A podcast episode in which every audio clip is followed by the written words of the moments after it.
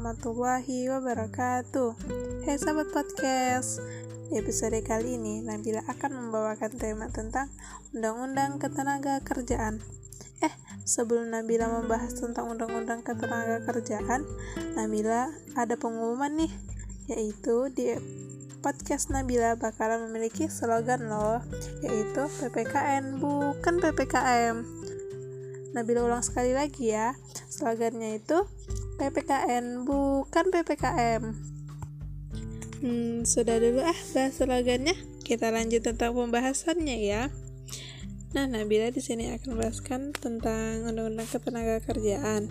Hmm, perubahan atas Peraturan Menteri Ketenagakerjaan Nomor 14 Tahun 2020 tentang pedoman pemberian bantuan pemerintah berupa subsidi atau gaji gaji upah bagi pekerja atau buruh dalam penanganan dampak coronavirus disease 2019 atau COVID-19. Mengingat bahwa untuk tetap menjaga kemampuan ekonomi selama masa pandemi coronavirus, perlu dilanjutkan pemberian bantuan pemerintah berupa subsidi atau gaji bagi pekerja terutama bagi pekerja buruh yang bekerja di wilayah pemberlakuan pembatasan kegiatan masyarakat. Pekerja atau buruh sebagaimana yang dimaksud pada ayat 1 harus memenuhi persyaratan warga negara Indonesia yang dibuktikan dengan kepemilikan nomor induk kependudukan, dua peserta aktif program jaminan sosial ketenaga kerjaan atau BPJS sampai dengan bulan Juni 2021 mempunyai gaji yang paling banyak sebesar 3.500 pekerja di wilayah pemberlakuan pembatasan kegiatan masyarakat level 3 dan 4 diutamakan yang bekerja pada sektor usaha industri barang konsumsi, transportasi, aneka industri, properti, dan real estate. Nah, ada satu lagi nih Nabila akan membahas tentang undang-undang sanksi yang dapat dikenakan kepada pengusaha.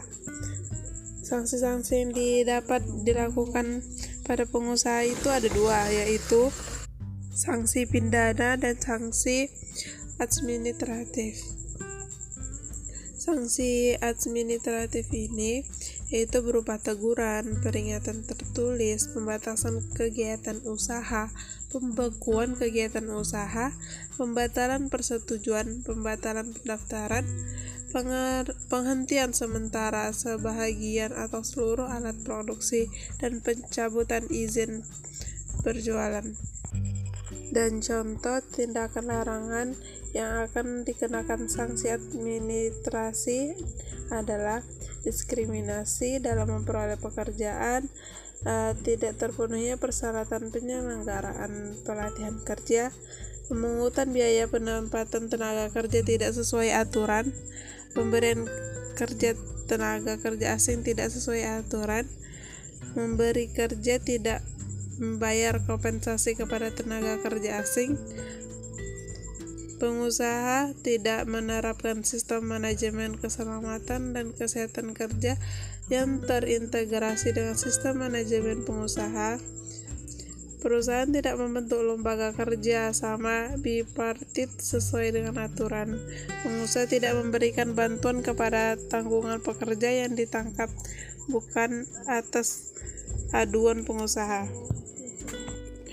Yang kedua, Sanksi pidana Sanksi pidana dapat dikenakan bagi pengusaha yang melakukan pelanggaran atas Undang-Undang Nomor 13 Tahun 2003 tentang ketenaga kerjaan secara bervariasi sesuai dengan pasal yang dilanggar. Ancaman sanksi pada pidana ini dapat dilihat pada pasal 183 sampai 189 Undang-Undang Nomor 13 Tahun 2002 2003. Sanksi-sanksi yang didapat dari e, pidana ini itu membayar denda dan juga e, sanksi pidana penjara paling singkat 2 tahun dan paling lama 5 tahun. Sekian dari saya. Wassalamualaikum warahmatullahi wabarakatuh.